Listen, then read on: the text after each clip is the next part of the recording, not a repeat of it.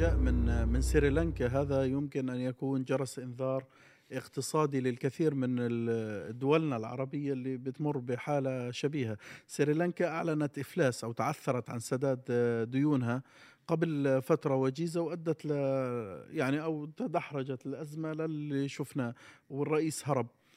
الآن إحنا عندنا عدة دول عربية أمام أزمة ديون قاتلة. يعني إحنا طبعا في مقدمتها مصر مصر أكبر مديونية عربية ومصر مشكلتها في تسارع الديون بالمناسبة نعم. مش في الدين نعم. لأنه مصر اقتصادي كبير بعض الناس بتطلع على الرقم بقول لك الرقم ضخم هو الرقم ضخم مزبوط والاقتصاد المصري ضخم لكن المشكلة في مصر أن الدين يتسارع بمعنى أنه ما في سداد للدين ما في إنتاج. البلد متوقفة وما فيش إنتاج والدين يتسارع أصبحت تعيش على الدين. آه، تونس الحال نفسه ولبنان أيضا الحال نفسه. وبالتالي أنا أنا بظن أنه المنطقة العربية داخلة على آه، أزمة مديونية وأزمة اقتصادية آه، شاملة. خلال الفترة لبنان مرة في أظن مسؤول كبير أو وزير قال إنه الدولة مفلسة. وضجت ضجت. عمليا بالفعل, بالفعل فترة طويلة يعني. هو هو طبعا الدولة بتصير مفلسة. إذا تعثرت إذا إذا كان في ديون الآن لو في شركة بتفلس آه، بتتصفى. آه. الدولة إيش حنعمل فيها لما تفلس؟ هو ما هي هاي هاي المشكلة، المشكلة إنه الدولة بتدخل زي آه، بنتذكر أزمة ديون اليونان في اليونان 2010 آه، صار في أزمة في كل الاتحاد الأوروبي. المشكلة الاقتصاد مش زي السياسة والكوارث البيئية. إنه إحنا مثلا ممكن يصير أزمة سياسية في بلد مثل العراق وخلص لا الأزمة الاقتصادية هذه بتنعكس على منطقة بأكملها. عشان هيك برضو بنتذكر لما صارت أزمة ديون دبي. في 2008 قبل بيوم واحد من موعد التعثر تبع شركة نخيل وهي أيامها أنا يعني كنت يعني كنت أيامها موجود في الإمارات. فأبو ظبي سددت كل ديون دبي ودفعت آه، آه، زيادة عن هذا فصار برج الإمارات صار اسمه برج خليفة. نعم بعديها صار صار صار بدأ برج دبي كان اسمه برج دبي, برج دبي صار تحول لبرج خليفة. الفكرة إنه لماذا دفعت أبو ظبي؟ البعض بيظن بإنه آه، دفعوا الفلوس هاي يعني كرما عشان البرج. أو عشان, عشان البرج. البرج. لا الحقيقة إنه هو لو تعثرت دبي لوقعت كل دول الخليج في أزمة اقتصادية. اليوم لو تعثرت مصر نعم. ستقع كل العالم العربي في أزمة هو ده اقتصادية. تقريبا اللي بيقوله تقرير بلومبرج هو صدر في السبعة يوليو تحدث على هذه المشكلة اللي هي إزاي إن ممكن الأزمة سريلانكا تأثر على دول عربية وأفريقية وحط حوالي خمس دول معرضة لانها العجز على سد ديونها أظن آه، تونس كان في المرتبة الثانية ومصر كانت في المرتبة الخامسه الخامسه وهو بيقول هي دي المشكلة إن هم في خشية دولية وحقيقة هي هي في دائما صعوبة شديدة إذا لم أكن مخطئ محمد يصححني إن هو في رؤية التوجهات الاقتصادية. يعني صعب جدا إنك تفهم متى ستحدث مشكلة في مكان معين لكن يبدو إن في مؤشرات يعني هو نعم. بلومبرج بيقول ان تتحدث مع الاقتصاديين داخل المؤسسة فهم بيخشوا من هذه إن يكون هنا هذا بداية ما حدث في سريلانكا لموجة فشل دول أخرى في على سداد ديونها لأن هي ناتجة الموجة يعني ناتجة بسبب تبعات حرب أوكرانيا هروب رؤوس الأموال الدولية الرفع الأمريكا للفائدة فيها.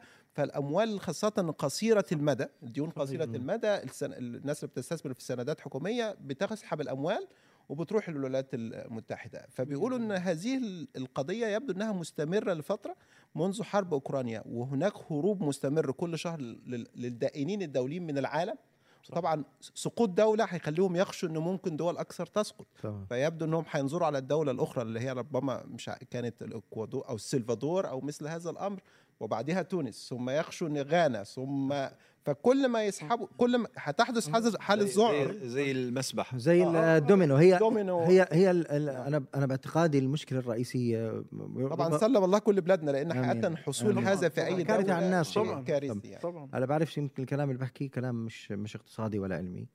آه ولكن من متابعة بسيطة مشكلة الدول اللي بصير فيها أزمات اقتصادية أنها تفكر فقط من داخل النظرية الرأسمالية.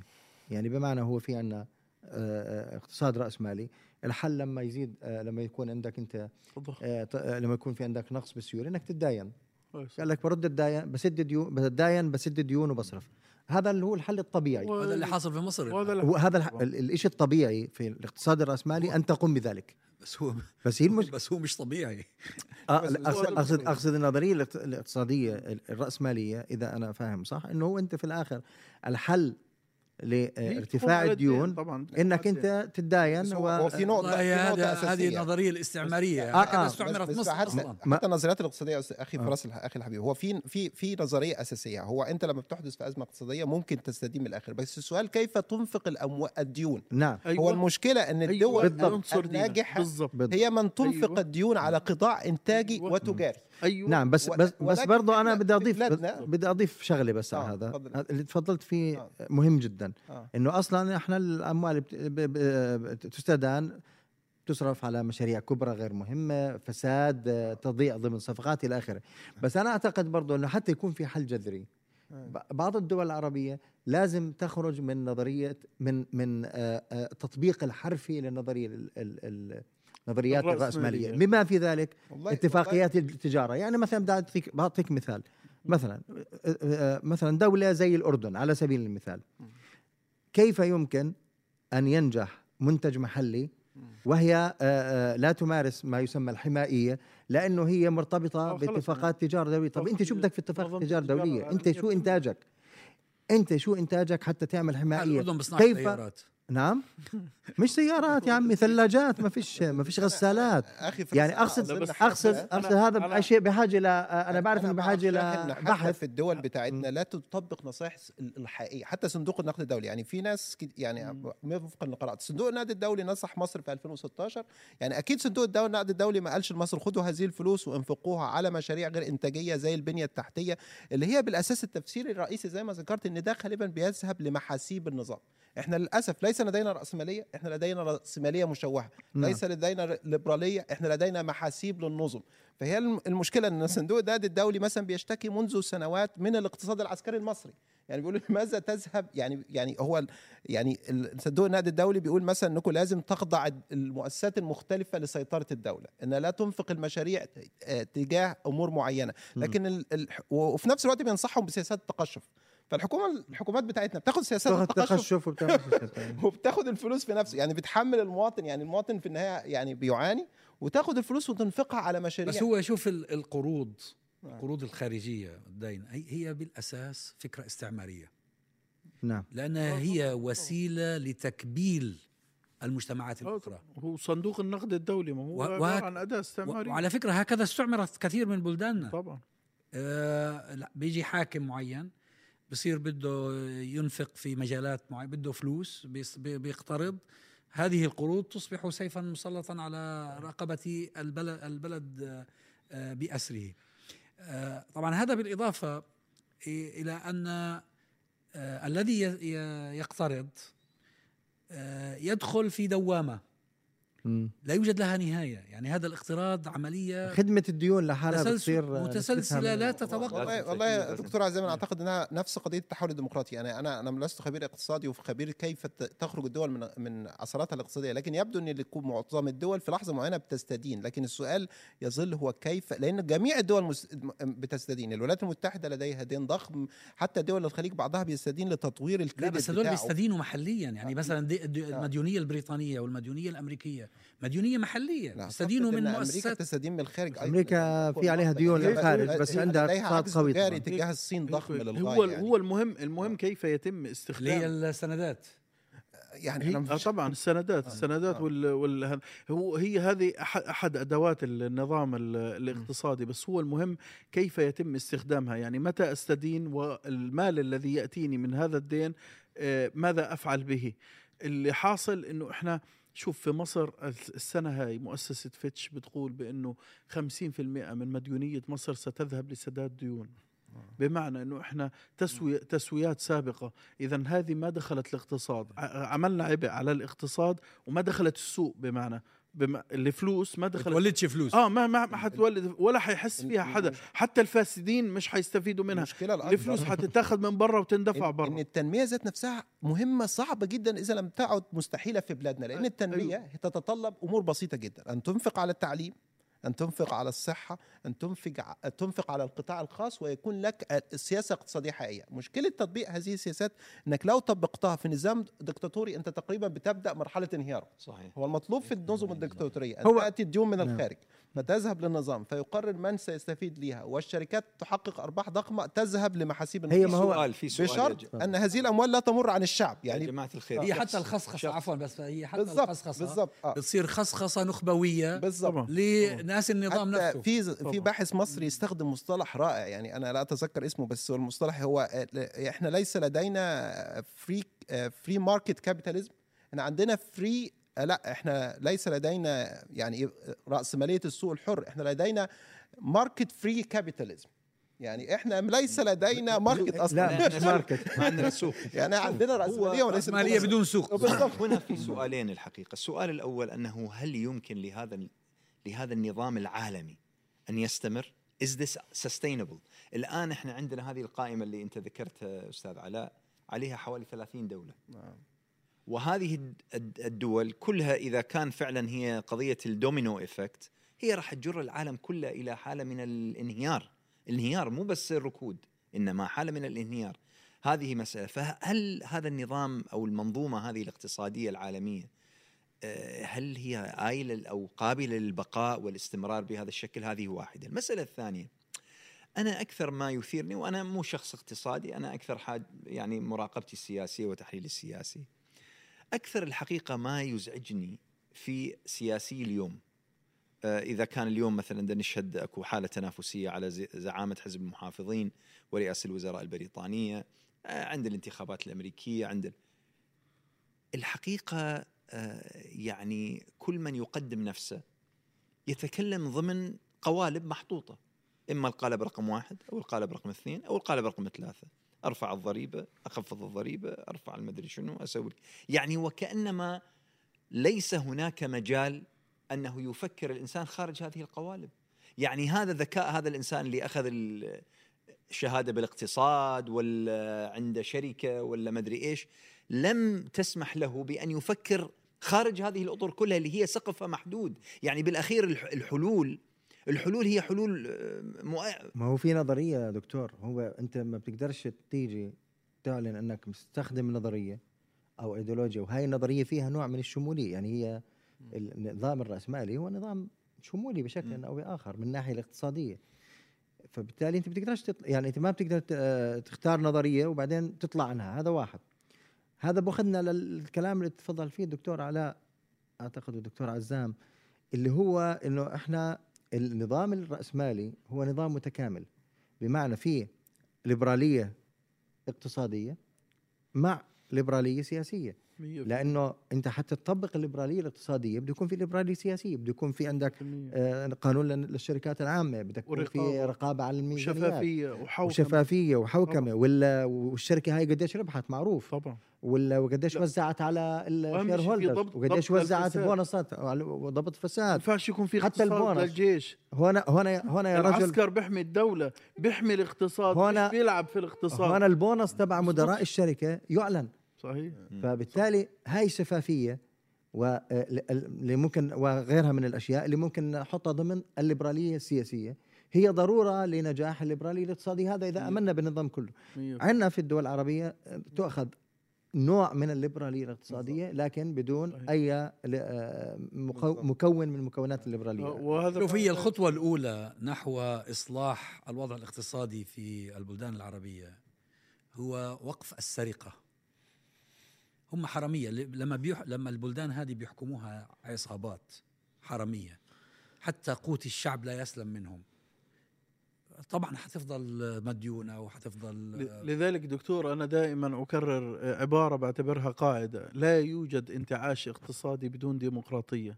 مستحيل يحدث.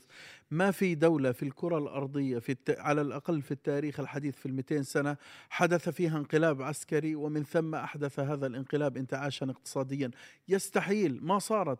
وبالتالي ال... ال... ال... ال... ال... الديمقراطية هي على الأقل في النظام الرأسمالي. الرأسمالي النظام الرأسمالي خلق لدولة ديمقراطية.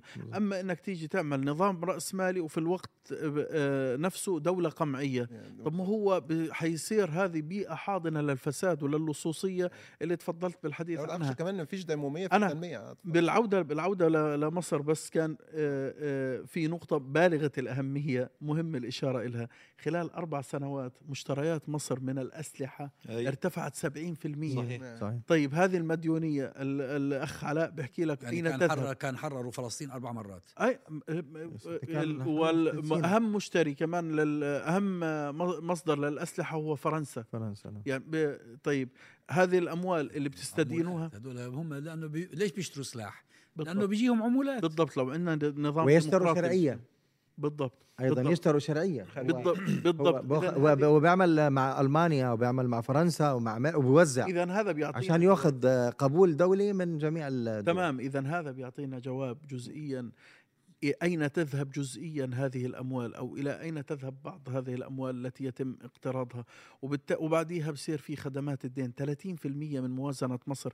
ما في دولة في العالم على الأقل فيما أعلم آه يعني الديون تلت... إحنا إحنا عندنا أرقام غريبة جدا. إحنا وصل خدمة الدين أيوه. آه و آه وال يعني بين فوائد وسداد حوالي 1.6 تريليون آه لا لا جنيه فقط خدمة الديون 30% من الموازنة. أنت متخيل الإنفاق العام للدولة؟ 30 في آه. ثلث الإنفاق العام للدولة خدمة. آه. وممكن آه. أكثر. آه. لا الخ... بدون سداد. مش سداد. أنا ما بحكي عن سداد رأس المال. كلامه صحيح بس أنا يبدو لي أنا بحكي عن فوائد فقط. وهذه تذهب للخارج. أنت متخيل إنه وصلت 40% ممكن. أنا أنا بشوف الأرقام بقت غريبة. ممكن. أيوه أنت متخيل إنه ثلث الإنفاق العام للدولة بيذهب للخارج فوائد لدين في أرقام أغرب من كده. يعني إحنا عندنا كل أجور العاملين في الم... يعني قلت لحضرتك الدين خد فوائده وسداد أقساط واحد ستة تريليون جنيه مصري. كل الرواتب موظفي الحكومة. اللي إحنا عمالين بنشتكي إن بيلحقوا الدولة 400 مليار جنيه مصري يا سلام. يعني يعني يعني ثلث ربع ربع ربع كل الدعم مليار جنيه مصري. يعني أنت بتصرف ربع إيش عفوا؟ نعم. الربع إيش؟ واحد وستة من عشرة ديون بين فوائد وأقساط. okay. تريليون. تريليون, تريليون. بينما مرتبات كل موظفي الدولة, الدولة 400 مليار. 400 مليار. يعني حوالي ربع المبلغ. ربع المبلغ يعني إحنا نعم. بالتالي هذا اختلال هذا خ... هذا هي عبودية. بالمناسبة ليست عبودية. هذا لا يعتبر كبيرا امبارح بالصدفة يعني كنت أقرأ عن لا ده ده, ده الموضوع ففي آه. في أرقام الأجور آه. يعني اللي هو القطاع العام حتى بالدول الكبرى يعني يصل إلى 15 ل 20% من الميزانية. فلما نحكي عن ربع الدولة يعني لا بس ميزانيه مش من الميزانية هو مش قصده هيك. هو بيقول لك إنه ما يدفع رواتب للقطاع العام نعم. آه. هو ربع ما يدفع لخدمة آه الديون. آه يعني, يعني مش ربع الميزانية لسه. أربع أضعاف آه. أربع أضعاف تكاليف كل القطاع العام في مصر. تقريبا. هذا هذا باخذنا للسياسة مرة أخرى اللي هو جزء من من الإنفاق أظن هو على على القوى الشرطية والأمنية يعني بمعنى بناء ولاء بناء أجهزة أولا أجهزة أمنية مش بس الجيش بناء أجهزة أمنية وأيضا شراء ولاء وإحنا عندنا حصل في مصر كل كل لواء استراتيجي في 2016 عندما تولى السيسي الحكم في 2014 2016 قرر إنه يعمل قرار كان غريب جدا وهو غير مسبوق مؤخرا في مصر لأن حسني مبارك كان بيحافظ دايما على نسبة الديون. اللي هو التعويم قصدك؟ تعويم هو قرار الاستدانة بكثافة لتحقيق التنمية. إحنا في مصر كان دايما مبارك بيحافظ على الديون في في في, جزء صغير جدا ربما ثلث أو مثلها اللي كان بيتكلم عليه أخونا محمد. لكن السيسي قرر في 2016 إنها دولة جديدة الجمهورية الجديدة وإن هذه الجمهورية يجب أن توسع على الاقتراض مثل دول أخرى في دول آه بس توسع على الاقتراض تستورد مزيدا من الرز. لا بس هو استورد لا ده بعد توقف المساعدات الخارجية. المساعدات الخارجية كانت بين 2013 و2015 جم الخليج في 2015 كفاية تفضلوا اقفوا على أرجلكم. فقرار قرار استراتيجي حتى اقتصادي ده قراره إنه يتوسع في الاقتراض بكثافة عالية غير معهودة بحيث يمول تنمية قائمة على الاقتراض بحوالي 45 مليار دولار بين ديون داخلية وخارجية في العام كل سنة. يا سلام. ده كان قرار استراتيجي اللي بنى فيها العاصمة الإدارية الجديدة. بالضبط. هذا كان قرار جديد. لم تعهده الحكومة المصرية منذ 1952 لحتى 2016 لا يوجد رئيس استوسع بالاقتراض به إن هو يعمل تنمية قائمة على الاقتراض بكثافة. المشكلة مش تنمية هو المشكلة معظمها بنية تحتية. نعم. هذه المشكلة إن هي تزامنت مع كارثتين يعني خطأين استراتيجيين آخرين. أن معظم الأموال اللي تم اقتراضها تم انفاقها على مشاريع غير إنتاجية وغير تصديرية. بنية تحتية مشاريع إسكان محدش فاهم ليه. النقطة الثانية حصلت إنه لم يبدو لم يكن هناك رؤية واحدة واضحة للاقتصاد الدولي فحصلت في في هذه الفترة أكثر من ثلاث آه، أزمات اقتصادية. ربما في 2018 2020 كورونا حرب أوكرانيا. خلت سعر الاستدانة كارثي. فاقمت من لا مش بس الاستدانة يا أستاذ علاء المشكلة حاليا يا أستاذ محمد زي ما حضرتك قلت يمكن في البداية اللي إحنا تقريبا مش عارفين هو الدين بينمو بسرعة رهيبة ليه. أيوه. يعني في آخر ثلاث شهور في السنة يعني الماليه أنا لدي قناعة إنه إنه الصانع السياسة الاقتصادية في مصر والسياسة المالية آه. فقد السيطرة على الدين آه، أصبح خارج يعني السيطرة ربنا يستر يعني إحنا عندنا رقم يعني غريب جدا وأتمنى انه يكون هذا غلط. المركزي يعني. في مؤخرا إن إحنا الديون الخارجية كانت حوالي 145 مليار في ديسمبر الماضي في مارس الماضي في ديسمبر 2021 في مارس أصبحت 100 مش عارف 57 و58 في حوالي ثلاث شهور زادت الديون الخارجية فقط حوالي 12 مليار دولار. آه, آه. بتخلف. آه آه بتولد.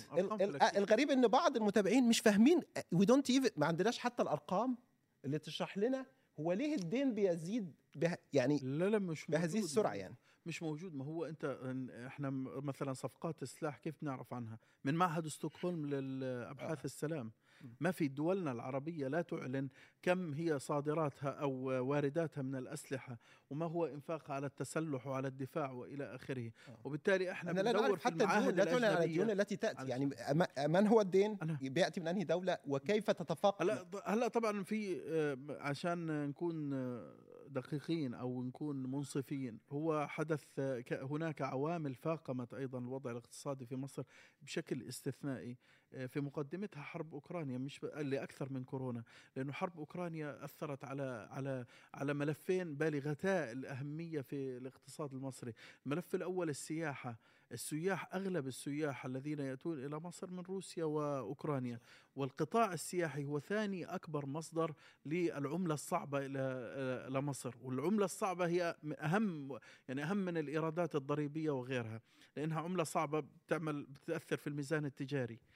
الملف الثاني هو ملف القمح. القمح ارتفع هذه السنة بسبب حرب أوكرانيا يعني الحقيقة هذه عوامل خارجية لكن القمح السنة هذه ارتفع بسبب حرب آه، أوكرانيا أكثر والله من والله يا أستاذ محمد أنا قرأت دراسات بتحذر منذ سنوات أن هذه السياسة الاقتصادية سوف تؤدي إلى أزمة بغض النظر. آه طبعا يعني طبعا. لا لا لا في فاقمة طبعا لا طبعا. هناك ما فاقم آه آه. وسرع سرع. ما هي محمد الأحداث التي فاقمت؟ حقيقة فاقمت. هي أيضا أيضا لها علاقة بالنمط الاقتصادي يعني بمعنى صحيح دولة صحيح زراعية صحيح زي مصر. لماذا لا تزرع الحبوب؟ بالضبط بالضبط. أنا رقم اثنين. كتبته في مقال في بداية اثنين. دولة. أعظم دولة آه، فيها أكثر دولة فيها آه، مش عارف إذا أكثر صحيحة ولا ولا نقول من أكثر دول العالم اللي فيها آه، معالم سياحية. بالضبط صحيح. عندك آثار متحف عبارة عن متحف. عندك آه، والله آه، بحر, آه، بحر ونهر وعندك مصر من السياحة مضحك. لا ما بالضبط يعني كتير قوي 10 12 مليار فأنت لما لا لا أنت لا لما تحكي أنت لما تحكي يعني بقول بالكثير يعني. أنت لما تحكي إنه معظمهم من روسيا. ليش من روسيا؟ طب ليش وين الإعلان في العالم؟ لماذا يدخل عارف كم بدخل إيطاليا بالسنة؟ طبعا شو عارف كم بني آدم بيدخلها؟ أظن 70 مليون أو 94 مليون آه. بني آدم. صحيح. الدولة ألو... الدولة الوحيدة في العالم أعتقد التي يدخلها من السياح أكثر من عدد سكانها سكان سنويا. نعم 94 مليون. اظن تركيا طب قريبا راح تصير على اظن تركيا أظن تركيا الدولة الرابعة أظن. طب أنت بتحكي عن عن طب إيطاليا شو فيها؟ بزيد عن مصر. بس فيها marketing كويس وفيها خدمات كويسة لو فيها اقتصاد وفيها حقيقي. اقتصاد حقيقي وفيها شفافية. إحنا عندنا ما فيش اقتصاد حقيقي بمعنى إن حتى لو في شخص رجل أعمال يعني في زي جهينة وغيره بيذهب ليه المؤسسة العسكرية تقول له أنا عايز أشاركك في الاقتصاد؟ لا يحبس فلا يوجد اقتصاد. أنتوا بتحكوا عن القطاع السياحي. آه. طيب أنت في دولة في العالم بروح طالب من جامعة آه، كامبريدج بدرس فيها بلاقوه مقتول على الطريق الصحراوي؟ ولليوم مش عارفين مين اللي قتله وبدك بعديها السياح ما هو طبيعي ما راح يجيها السياح. طب خذ عندك اللي أسخن من هيك. لا وهذا تبع الأطعمة هذا اللي بيصور الطعام الطعام. آه هذا عمل دعاية ضد؟ مصر. آه. أي نعم يعني لا لا يصعب أن لا تعالجها دكتور بسبب المعاملة التي عمل بها. خمس أو ست سنوات بتتذكروا حادثه اثنين آه، آه، بريطانيين لا بريطانيين اللي تسمموا آه. في في في منتجع من أهم المنتجعات السياحية وفايف ستار المكسيكيين اللي ضاعوا من يقول يعني إن منذ 1952 لدينا نظام تنمية بيسمى الدولة المغلقة أو النظام المغلق. بمعنى إنه الهدف إنه لا إن كل الثروات تذهب لمجموعة صغيرة محيطة بالنظام بحيث لا تتسرب السلطة والثروه لبقية الشعب حتى لا تهدده. المشكلة إن هم تقريبا هؤلاء الواحد في المية هم من يملكون كل شيء وهم من يصنعون كل شيء وال90 99% من ليس لهم علاقة بالتنمية. فكيف سوف تبني اقتصاد بدون إن يكون لك قطاع خاص حقيقي ومنتجين حقيقيين وشركات حقيقية وتنافس حقيقي وبرلمان حقيقي ومؤسسات حقيقية؟ ده تظل معضلة التنمية في مصر ويمكن كثير من الدول على فكرة أنا قرأت مؤخرا مش عارف فين في أي صحيفة مقال بيلوم الدول المانحة آه، جزئيا على ما يحدث في مصر. آه، أنهم يخشون من سقوط النظام فلا يتورعون عن مده بما يمكنه من الاستمرار. too big to fall. ليه؟ لأنه خايفين من البديل. خايفين من البديل. بقول لك لا السيسي هو أقل سوءا من غيره.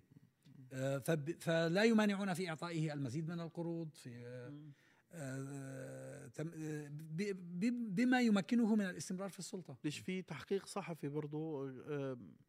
بحاول أتذكر اسم المؤسسة اللي عملوه. يمكن تعرفوا آه، من عدة شهور أو يمكن من سنة سنتين مش مش زمان. آه، تتبع مسار الأموال الدول المانحة التي تذهب إلى الدول النامية. وطبعا من ضمنها عدة دول عربية وبعضها دول أفريقية وبعضها دول في أمريكا اللاتينية. تبين بأنه الحج له علاقة في البنك الدولي أموال البنك الدولي قروض بين بينها. قروض وبعضها مساعدات. المهم تبين بأنه نسبة كبيرة من هذه الأموال تذهب في حسابات خاصة سرية لمسؤولين سياسيين وبالأسماء. بالأسماء نشروا في بعض الدول العربية يعني بأسماء المسؤولين السياسيين. اللي لهم لهم هو للأسف حتى صندوق البنك الدولي وال وال الصندوق الدولي والثاني. صندوق النقد الدولي. صندوق النقد الدولي والبنك الدولي. عليهم اتهامات أصلا بالفساد. آه، تقاريرهم أيضا آه، عليها اتهامات بالتلاعب بالتقارير. يعني في تقارير آه، مثلا قبل فترة كنت بقرأ عن شغلة حاطين الصين في مركز آه، متقدم في آه، أحد المؤشرات المهمة. شفافيه ولا آه اللي هو بيعتمد عليه يعني بيجي إذا في تاجر في العالم بده يروح يتاجر في دولة بيروح يشوف هذا المؤشر. إذا الدولة الترتيب تبعها كويس ب ب يعني بتشجع إنه يستثمر فيها. فهم مغيرين في ذلك التقرير أو متهمين لنقول حتى الآن بتغيير موقع آه، مركز الإمارات والسعودية والصين. ف... محسنينهم يعني. محسنين أوضاعهم. آه كيف حسنوها ما بيجي طبعا البنك الدولي ما بيجي بغير. غير الكرايتيريا. تحسين الناس. غير المعايير. غير المعايير. غير المعايير.